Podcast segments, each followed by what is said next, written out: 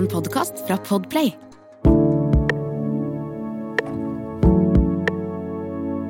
Mitt navn er May-Len Carlsen. 3. juli 2020 fikk jeg en telefon som endret alt. Thomas, min kjæreste, far til våre to barn, har fått føflekkreft stadig fire. Dette er min historie som pårørende på venterommet. Da er det en ny uke og nye muligheter, Mai Helen. Ja. Og hva har skjedd siden sist? ja, nå er det den tredje måneden, da, vet du. Og, Åh. ja,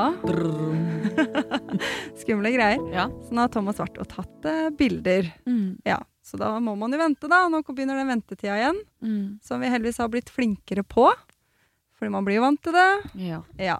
Men eh, det som også er litt artig i disse bildene, da, så skal de jo også sjekke om ryggen hans er grodd. Etter stupelykken. Yes. Ja da. Stemmer det. Han Vi, Skal straks inn og få svar på det. ja. har han noe, merker han noe mer om det med ryggen, eller? Han merker når han nyser. da kommer det sånn åh, åh, Det var Ja. ikke så godt, sier han da. Nei. Men ellers så tror jeg faktisk at det har eh, blitt ganske bra. Ja. Så forhåpentligvis så sier de at det der er the all good. Det er bra. Ja. Og um, jeg har fått svar fra gynekologen om at alle mine prøver så bra ut. Yay. Ja. Det blir vi så glad for. Ja, og jeg kjenner bare Jeg venta en måned på de svarene, og jeg kjenner at jeg blir stressa over det. Og jeg har egentlig Altså, alt så jo greit ut, og dette er rutine. Mm. Men jeg var stressa og litt sånn up there eh, med å vente på det. Og da kan jeg bare tenke meg det å være alvorlig syk og vente på prøvesvar. Ja. Altså, jeg tar av meg hatten fordi Ja, det er, noe i dette. krevende. Ja. Mm. Og du er jo ekstra oppi der, fordi at du har, vet jo Du har jo på en måte hatt celleforandringer, og det var jo ikke så kul opplevelse, bare det. Nei. Og det å komme og plutselig havne på et eh, kreftregister. Mm, Det er noe rart med det. mm. Ja, så det er nok eh, Det er litt den Ja, det med venting, sånn som mamma var her i forrige episode. Mm. Vi snakker om dette med eh, tilbakefall. Altså, det ligger alltid i bakhodet ditt hele tiden, da. Mm. Eh, at det som har vært før. Eh, og det er jo for meg, ikke sant, så man har en historikk på at ting har vært kjipt. Og da er jo spørsmålet om det nå er, eh, er kjipt igjen, da, eller ikke. Ja. Så nei, det er, eh, det er sånn det er. Men kan jeg bare si en ting som vi glemte å si også i forrige episode? Ja. Eh, Etter bursdagen min, vi lurte på om min søster med nyfødt barn klarte Ja. å komme tidsnok i bursdag. Vi kan jo meddele at det klarte hun. Det klarte hun. Det var til og med før mamma og pappa. ja, Ja, hun var presis. hun var det. Det var veldig godt gjort. Det var Det imponerende. var jeg imponert over. Og så Mm. skjedde det jo noe veldig stort, sensasjonelt i den bursdagen også, fordi vi fikk vår første pakke. Det gjorde vi. Ja. Ah. Og det er da på grunn av podkasten vår. Ja. Vi fikk en flaske bobler, rosa bobler ja. og øredobber. Ja. Vi fikk av din eh, svigerinne, Janne, som også har sin egen podkast, som Ja. heter Fag og feminin. Så hun eh, ga oss eh, pakke for at vi har startet podkast, og det syns jeg var skikkelig, skikkelig koselig. Det var det. Den Så eh, drakk hyggelig. vi i går, og Ja, det, var veldig, godt. Det var veldig godt. Så tusen takk, eh, Janne. Ja, det var tusen, veldig hyggelig. tusen takk. Ja. I dag Mhm. så er tematikken medikamenter. ja. Og det er jo et ganske stort tema, egentlig. Det er et veldig stort tema, så vi skal jo på en måte Snevre det inn. Ja, vi skal, Vi skal putte oss inni der, og så jobber vi oss litt rundt og våre tanker og erfaringer rundt dette med medikamenter. Det er veldig mye forskjellige medikamenter man får når man blir kreftsyk, Mm. og det er ganske mye å holde styr på. Og fordi du er i helsevesenet, og jeg er kreftsykepleier, så var jo vi ganske på den gangen Thomas ble operert og lå på sykehuset i tre og en halv uke. Ja, og to og en halv. To og en halv. Ja, to og en halv uke. Mhm. Eh, Og det var jo fordi selvfølgelig etter en operasjon så får du ganske sterke smertestillende. Mhm. helt naturlig nok. Eh, og det han fikk var Oxycontin, som er langtidsvirkende morfinpreparat. Og så er det Oxynorm, som er da også et morfinpreparat. Som er hurtigvirkende. Ja, hurtigvirkende. Eh, og det eh, måtte han jo ha. Eh, men når på en måte de hadde en sånn eh, tenkt dato hvor de tenkte at nå kan han reise hjem, og når den datoen begynte å nærme seg, eh, men han fortsatt sto på høye doser, så ble jeg litt sånn hm, er det greit? Han må jo trappe ned, for du kan jo ikke kutte ut så store doser på dagen. Eh, Eh, og så er det noe i forhold til også å se hvordan smertene er når du på en måte trapper ned og eventuelt da fjerner langtidsvirkende f.eks. Eh, og så jobber jeg jo på et sykehjem, så det er jo jeg har jo vært borte dette her noen ganger der. Så jeg mm, på en måte spurte er det ikke sånn at han må jo trappe ned. Det er helt, og jeg var litt streng på det, for jeg bare, det er helt uaktuelt at han skal hjem med høye doser med morfinpreparater. For da må man selv trappe ned, og så stoppe det på egen hånd.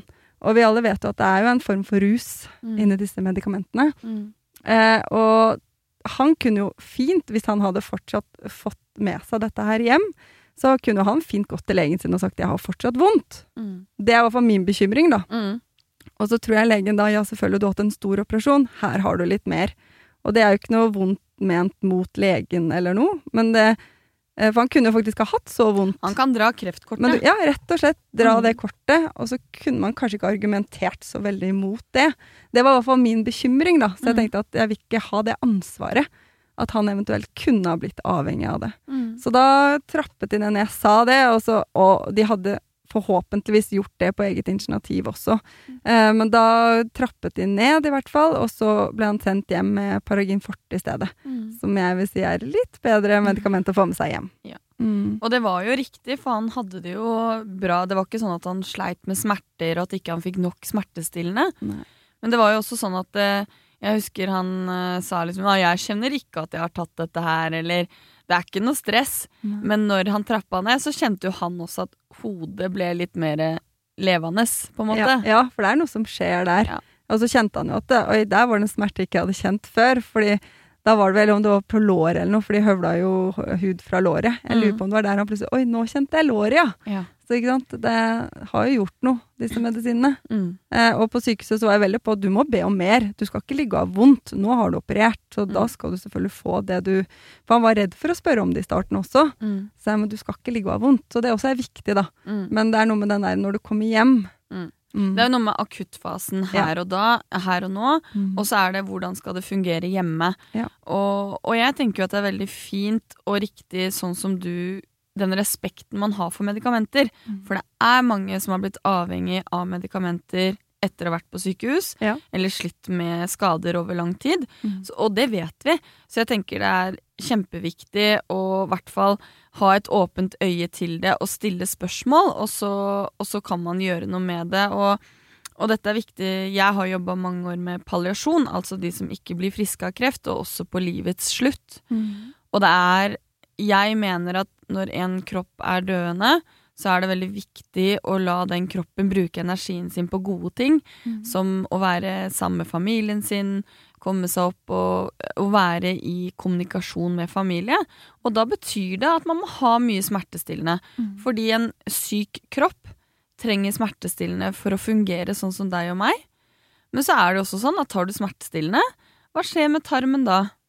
Da blir du obstipert. Ja. Da får man treg tarm, Yes. så da må man passe på Det er derfor det er så fint med palliative team. Eh, leger som ser hele bildet, at når du står på morfinpreparater, så må du også stå på eh, tarmepreparater, altså Tarm. Movicol eller Mm. lakseberaldråper eller eh, Laktulose. laktulose. Den Mm. er, den er en inner på sykehjem. Eh, og så er det jo kvalmestillende, for Ja. man kan kjenne på kvalme. Så det er jo en sånn Plutselig så står man jo og får det som Thomas fikk. Mm. Dosett. Ja. Det er, det er liksom Det er tips. Ja, det Få er deg. faktisk det. Dosett. Og det syns Thomas var så harry Ja. og kleint når jeg anbefalte han en dosett. Ja. Tenkte han hva skal jeg med der? Men han bruker det hyppig Ja. den dag i dag. og så er det jo det at dere fikk jo også en erfaring eh, på disse medikamentene hvor han hadde fått resepter på innsovningstabletter. Ja, for han fikk det etter når han var på sykehuset Mm. eh, første gangen. Så fikk han jo noe å sove på, så det sa jeg det kan du fint ha med deg hjem, for det er viktig med en god natts søvn. Mm. eh, og få roa hodet litt. Og da kom jo dette godt med. Eh, så han har på en måte hatt det i sånn just in case. Han har brukt det veldig minimalt, Mm. men han har hatt det. Og når han fikk tilbakefall, vel, eh, og fant ut at immunterapien ikke funka, så eh, fi- fikk han da nye medisiner, disse kreftmedisinene han går på nå. Da hadde han fortsatt eh, disse sovetablettene hjemme og, han, og resept på det. Og så var det et par ganger jeg så at han hadde behov for å sove bedre, så jeg anbefalte han å ta en sånn sovetablett. Og så hadde vi også spurt legen hans, men da hadde han vikar akkurat da, Mm. eh, om det var greit. Og da sa han ja. Eh, men så viser det seg når Thomas skulle hente ut ny eh, hente ut da på resept disse sovetablettene, eller innsovningstablettene, så sier jo hun på apoteket at du kan ikke blande disse medisinene, altså kreftmedisiner og innsovningstablettene. Nei. Og da var det fint at hun var våken, for det er jo ikke noe vi selv hjemme vet noe om. Mm. Om den og den kan gå sammen. Eh, så da viser det seg at det kunne han jo ikke ta. Nei. Og det er jo et litt stort ansvar da, å tenke på at skal vi passe på dette selv? Det er jo Mm. ikke egentlig sånn det funker. Men nå var jo den resepten, tror jeg var legen hans når han gikk på immunterapi, ikke sant? og så begynner han på nye medisiner, og da er det litt sånn kanskje man bør gå gjennom hele eh, Medisinlisten. ja, medisinlista. Hva er det du står på, hva er det du tar, og hva er det du har fått tidligere? Mm. Bare for å se ok, denne må vi ta vekk, denne kan du trygt gå på. Altså få litt hjelp til det. Ja, det tror jeg er kjempeviktig, og jeg tror det er en sånn ting som sikkert Det er veldig mange som har ting på medisinlisten sin som Mm. de kanskje ikke bruker lenger, eller ikke samsvarer med de andre medikamentene. Mm. Og det å faktisk da se hele bildet, og så er det jo kjempebra at det er oppegående farmasøyter på Ja. apoteket som sa ifra, og at man har tillit til det, at man da hører på hva de sier. Mm. Fordi eh, det som skal sies, er jo at disse medikamentene som man kan tilby til alvorlig syke, eh, de er jo ikke rus smertestillende hvis du får i riktig dose, Nei, det er det ikke. og når kroppen din trenger det. Men hvis man bruker smertestillende utover det, som å ta og roe ned hodet, føle seg litt mer avslappa, da, da begynner vi å snakke om dette med rus igjen. Og så er det jo akuttfaser og faser utenom det vanlige, sånn som når pappa skulle opereres. At han den natta før skulle ta sovetabletter og beroligende, som sykepleieren der sa ja, men du er så tøff, du trenger ikke. Det tror jeg at det er en unntakstilstand. Ja. Da skal du gjøre det, for det er så viktig at kroppen får en god natts søvn. Da. Ja, få hvil, hvile, Ja. rett og slett. Den skulle inn i krig. Det er sånn det er Mm. når det blir operert. Det er, eh, kroppen skal gjennom masse. Den skal det. Men jeg fikk jo jeg har en erfaring selv med disse sterke medisinene, og det var når jeg opererte foten, og det var så vondt, for de skrudde ned en skrue. Og da fikk jeg tramadol. Mm. Og jeg blir jo rusa. Jeg blir jo rusa på Paragin Forte, og det vet jo jeg, jeg kjenner meg selv så godt. Men jeg fikk, altså det, den rusen var helt Det var rus. Det Ja. tok jo selvfølgelig smerten og var veldig nødvendig.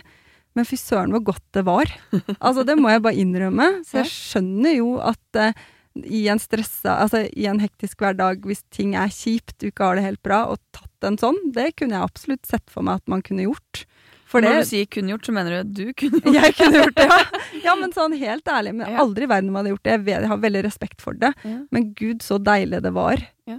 i den tiden. Og da var det litt sånn Har jeg litt vondt, tru? Altså etter Ja, ja. operasjonen og på en måte jeg kjente at eh, jeg kan fint klare meg på Paracet og Ibux, men så var det, sånn, var det litt Litt Ja. vondere enn det, kanskje. Ja. Burde jeg ta en. Men heldigvis så fikk jeg et begrensa antall, og jeg brukte det ikke opp. Selv om jeg kjente at dette var litt deilig. Ja. Mm. Nei, men det er veldig bra. Det er godt du er ærlig her og, Ja. og melder. det Og, er det Mm. vi skal være her. Ja, og jeg husker jo når jeg skulle inn for å kondiseres også, for å fjerne en del av livmorstappen, så lå jeg på operasjonsbordet der og skulle sovne.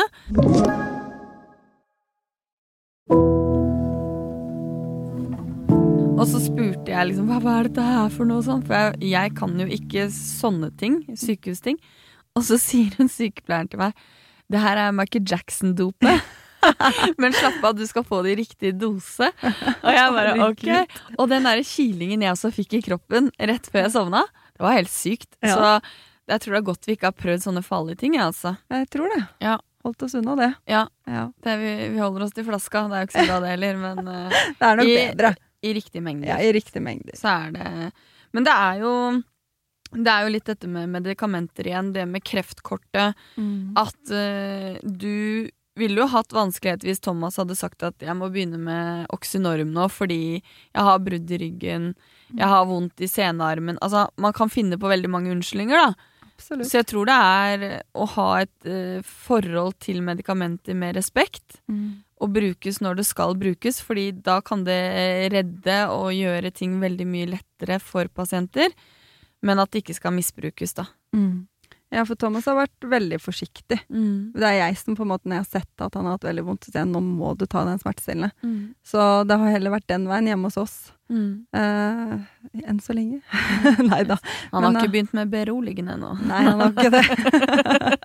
Men jeg tenker at det er viktig når det er brukes eh, til det det skal brukes som, holdt jeg på å si. Mhm. Hvordan kan jeg formulere meg Brukes riktig? til det det skal brukes Til. til. Ja. Ja. Så er jeg veldig for det. Det Mhm. er så viktig. Mm. Og det er godt at vi har det, disse hjelpemidlene. Mm. Men så er det det å stoppe i riktig tid, Mhm. og så ikke bruke det, som du sier, hvis hodet Man sliter litt, da. Mhm. Psykisk. Mm. For det døyver jo oppi der òg. Mm. Så ja. Og det er jo andre preparater, sånn som kortison også, ja. som, eh, som Thomas eh, går på. Og pappa fikk jo en hestekur med kortison nå pga. litt sånn ymse blodprøver. Mm. Og da fikk jo han sånn veldig høye doser med kortison. Og de har jo helt syke bivirkninger. Altså, du blir jo Det var ikke jeg klar over Nei. før du sa det. Ja, du blir veldig speeda. Ja, Og det så er blir du ganske veldig sulten, og så er du veldig våken. Og det er sånn eh, Pappa fikk en kur på 14 dager, og Mm. det er ikke farlig. Altså, det, man trenger det. Det er betennelsesdempende. Mm. Det er liksom for å booste kroppen, da. Eh, og han sa han kjente til det når han holdt på, for han var sånn plutselig han vaska to biler en dag. Han hadde liksom styra ute. Mens han merker nå når han er på nedtrapping, at det, det har jo betydd noe. Det gjør noe med deg. Mm. Og det, og det er litt sånn sjukt sikkert for en voksen mann som aldri har vært syk før. Mm. Og det gjelder jo unge kreftsyke også. Man har ikke vært borti mye medikamenter, og så, og så får man kjenne det veldig på nært hold. da. ja. At eh, dette Oi, dette har virkelig effekt flere er ikke Utover mer enn bare smerten, da. ja, for jeg, har all- jeg har jo jeg har vært borti prednisolon, og Thomas får jo veldig små doser, da. Men eh, den bivirkningen der har jeg aldri hørt om, så Nei. den var litt sånn overraskende for meg, at den har såpass effekt på det, da. Vi ga jo Altså, når du har eh, kreftpasienter som er mot livets slutt, Mm. og som er døende, så kan man gi eh, kortison, noe som heter dexametason, for en sånn boost for å på en måte at de våkner litt, får litt mer matlyst. Som er, men dette her er jo eh, Kortison kan jo ses litt på som en sånn der mirakelkur, men det er kortvarig effekt, disse bivirkningene. Det er ikke Ja. sånn at du kan gå på kortison resten, og så vil du alltid være sulten og alltid være våken.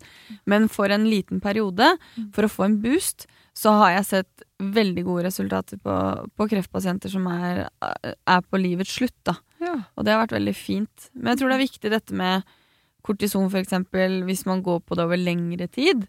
Det å snakke mer om medikamentene med fastlegen sin, eller da kreftlegen sin. Fordi det går utover beinskjørhet hvis det går for lenge. Eh, Det er ikke bare å sette på medisiner på en medisinliste, men Nei. faktisk se og jobbe nøye gjennom det. Det tror jeg er veldig, veldig viktig. ja. Og vi har liksom ikke fått de samtalene Nei. om medisiner Nei. Nei og ikke sant? bivirkninger eventuelt. Altså, selvfølgelig kreftmedisinene har jo en hel blekke om eh, bivirkninger. Ja. Eh, men eh, sånn som Det er egentlig med kortison og utrolig sånn. at han overlever å ta de pillene. For det er så mye som kan gå Det er gærent. veldig mye bivirkninger, det er jo helt vilt. Men der har jo kortisonbehandlingen til Thomas kommet veldig godt inn. Han fungerer jo eh, mye bedre på det, så dårlig som han ble av de medisinene. Så er det jo fantastisk at det fins medisiner som kan gjøre at du fungerer Mm. når du går på livsviktige medisiner. Mm. Så der er det jo utrolig godt at Mm. vi har disse medisinene, da. Og da er vi tilbake til det at hvis du tar én pille, så må du ta tre piller fordi du tar den ene pillen. ja, ikke sant? Fordi, Er det rart han trenger Dosett, ser jeg bare. Nei. Altså, alle der ute med, med alvorlig syke partnere, eller Altså, Kjøp Dosett Dosett. til jul, Ja, det der er, er den kan sprites opp Nå er det farsdag klistremerker. Mm. snart òg, da. Det er det. Kjøp Dosett. Fordi at det er sånn de, Man kommer ikke på det selv, og man har egentlig ikke lyst til å vite av det. Nei. Men du blir ikke noe mer syk av å få den dosetten i huset, men du får mer kontroll. Ja. Og spesielt hvis du skal ha smertestillende, da, Mm. så er det veldig viktig å ta eh, Tar man smertestillende, at man tar det til faste tider, så man får jevne doser gjennom hele dagen. Fordi det er mye vanskeligere å ta en smertetopp Ja. enn det er å ta liksom s- smerten når den ligger der på bunnlinja, da, eller ha en jevn flyt. Mye Og bedre. da har man dosett, så står det klokkeslett og dato. Mm. Mye lettere å sørge for riktig dosering og riktig, riktig effekt da, av de Absolutt. smertestillende. Det kan jeg absolutt anbefale. Ja, ikke sant? Det er veldig bra. Så da vet vi jo hva Thomas får til jul. Da får han sånn ny oppdatert Han kan ikke få en større dose. Han får sånn reisekit. Han har faktisk en så liten en, for jeg selv tar jo litt medisiner for magen, for jeg har jo IBS. Ja. Og der har jeg to forskjellige piller, tabletter, og så har jeg en sånn pulver, da. Men Mm. jeg kjøpte en sånn minidosett til meg selv på grunn av det. Den er fin, jeg skal jo bort et par dager eller noe. Og det er jo ikke akkurat mye medisiner. Og Thomas har jo ledd av meg. For den lille reisedosetten min, Mm. og så kommer han inn og skal bare ha masse mer med tabletter enn meg, og få større dosett. Så det er litt gøy, da. Man Ja. kan ha litt humor på det. Vi må jo prøve å finne humoren i alt. Ja, vi det må er jo det det. vi har fokus på. Ja. Og, og det å også snakke om ting, og snakke om eh, psykisk helse med alvorlig sykdom. Prøve å Vi satt jo her en kveld og drodla litt, bare åh, hva kunne man ha gjort for å, for å kunne nå de Nå er det jo litt sånn nært for oss at det er mann, menn som, pårø- eh, som pasienter, fordi både du og pappa har det, altså din mann og min pappa. Mm. Men liksom, hvordan kan man få disse voksne som aldri har trengt eh, hjelp i sitt liv, til å skjønne at de burde snakke med noen for å løsne opp i hodet?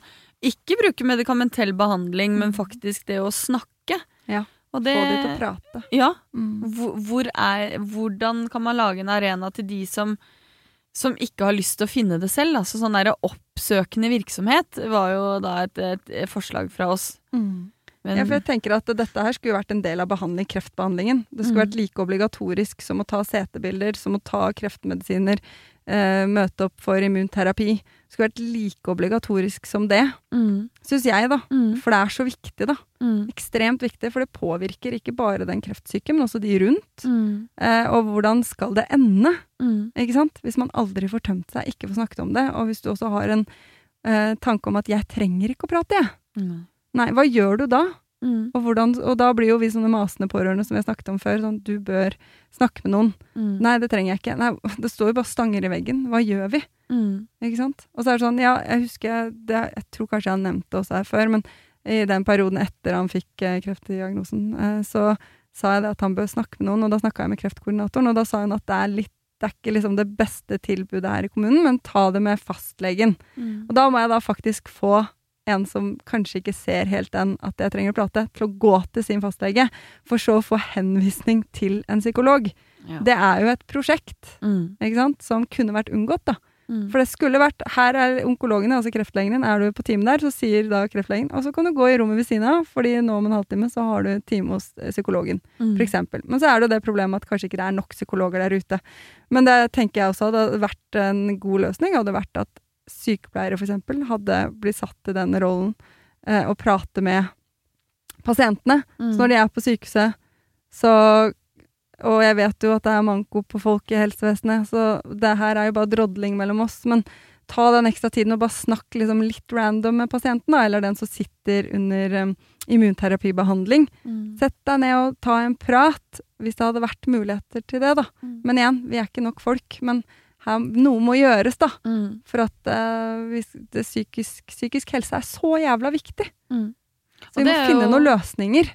Og det sa jo du at når Thomas var på sykehuset, så var det spesielt én Ja, sykepleier der det som var helt fantastisk. ja, hun tok seg jo tiden til å snakke med han. Mm. Og det er jo gøy at du Ja. sitter og skryter av dama som fikk mannen din til å begynne å grine, men Ja. det er jo på en måte ja, men hun eh, klarte å trykke på noen knapper, da. Ja. Og det var ikke det at hun sto der i timevis, liksom, men hun, når hun var på vakt, så var hun innom og liksom tok det, de ekstra minuttene. mm. Og det gjør jeg jo selv også som nattevakt, ser jeg hvor viktig det er å Mm. prate med pasienter, spesielt på natten, hvor ting er gjerne litt skumlere og litt eh, kjipere, sliter med å sove. Da kommer tankene. Mm. Og hvor viktig og hvor stor, eller hvor mye det utgjør, da bare ta deg de ekstra minuttene og prat, Mm. så får du ut mye.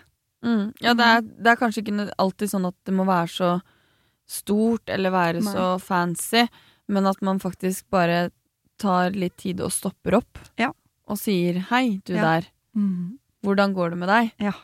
Og så, Noen ganger så skal det ikke mer til, vet du. Nei. Nei. Og så hvis man spør sånn veldig direkte, så sier man at eh, 'jeg har det bra'. Det er ikke et godt nok svar. Nei. Du Nei, ikke må ha sant. et utdypende svar. Men det var jo med hun sykepleieren som var så flink med Thomas på sykehuset. Hun tok faktisk meg til side en gang også, Mm. og da spurte hun hvordan går det med deg? Og det var måten hun sa det på. Det var ikke den 'hei, hvordan går det med deg', da. Det var sånn 'du, hvordan går det egentlig med deg'? Åh, jeg gråt. Fy søren. Det fikk meg til å gråte òg. Det bare rant. ja. Ja. Hun Det la er litt trykk må- på deg. ja det, Ja. var, det var måten hun sa det på, så det tenker jeg at flere kan gjøre. Ja. Mm. Ja, det er, Måten det er du sier det på. viktig. Tenk over det. At Mhm. ikke det er den der obligatoriske strofen. Hvordan går det med deg, da? Du merker at hele personen som spør deg, har virkelig ikke lyst til å få et svar som Mm. er noe annet enn 'jeg har det bra'. Ja. Det har jo eh, svigerfaren min tullet med det. At eh, Hvis noen spør hvordan går det, så kan man si 'jo, du har en halvtime', for her er en del å ta opp. Og det er litt sånn gøy å skulle sett hvordan den andre parten hadde reagert. Ja. Det hadde vært litt gøy, egentlig. Bare for moro. Har gjort det. Å gud a meg. Ja. Ja. Nei, men det er veldig viktig, og det er Psykisk helse står jo veldig høyt på agendaen eh, for samfunnet generelt i dag.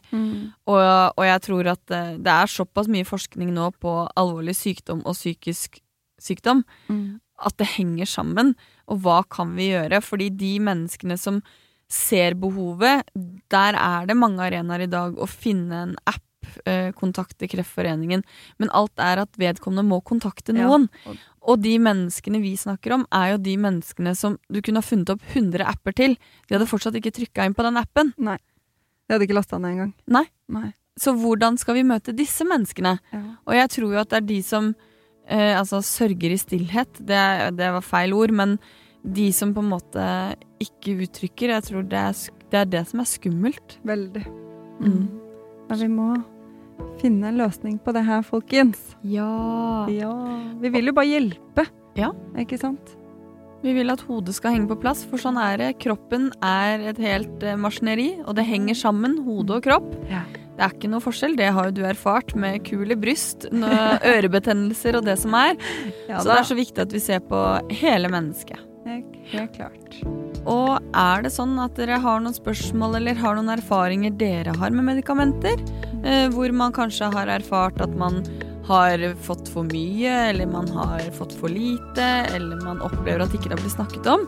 Så gå inn på sidene våre på Facebook, på Venterommet, en podkast for pårørende, og, og gi oss informasjon. Og det er ikke noe vi trenger å legge ut her, men det kan være godt å høre. Er vi fler? Og hvis man vil at det skal tas opp, så gjør vi også veldig gjerne det. Og så ønsker vi alle en kjempe, kjempefin søndag.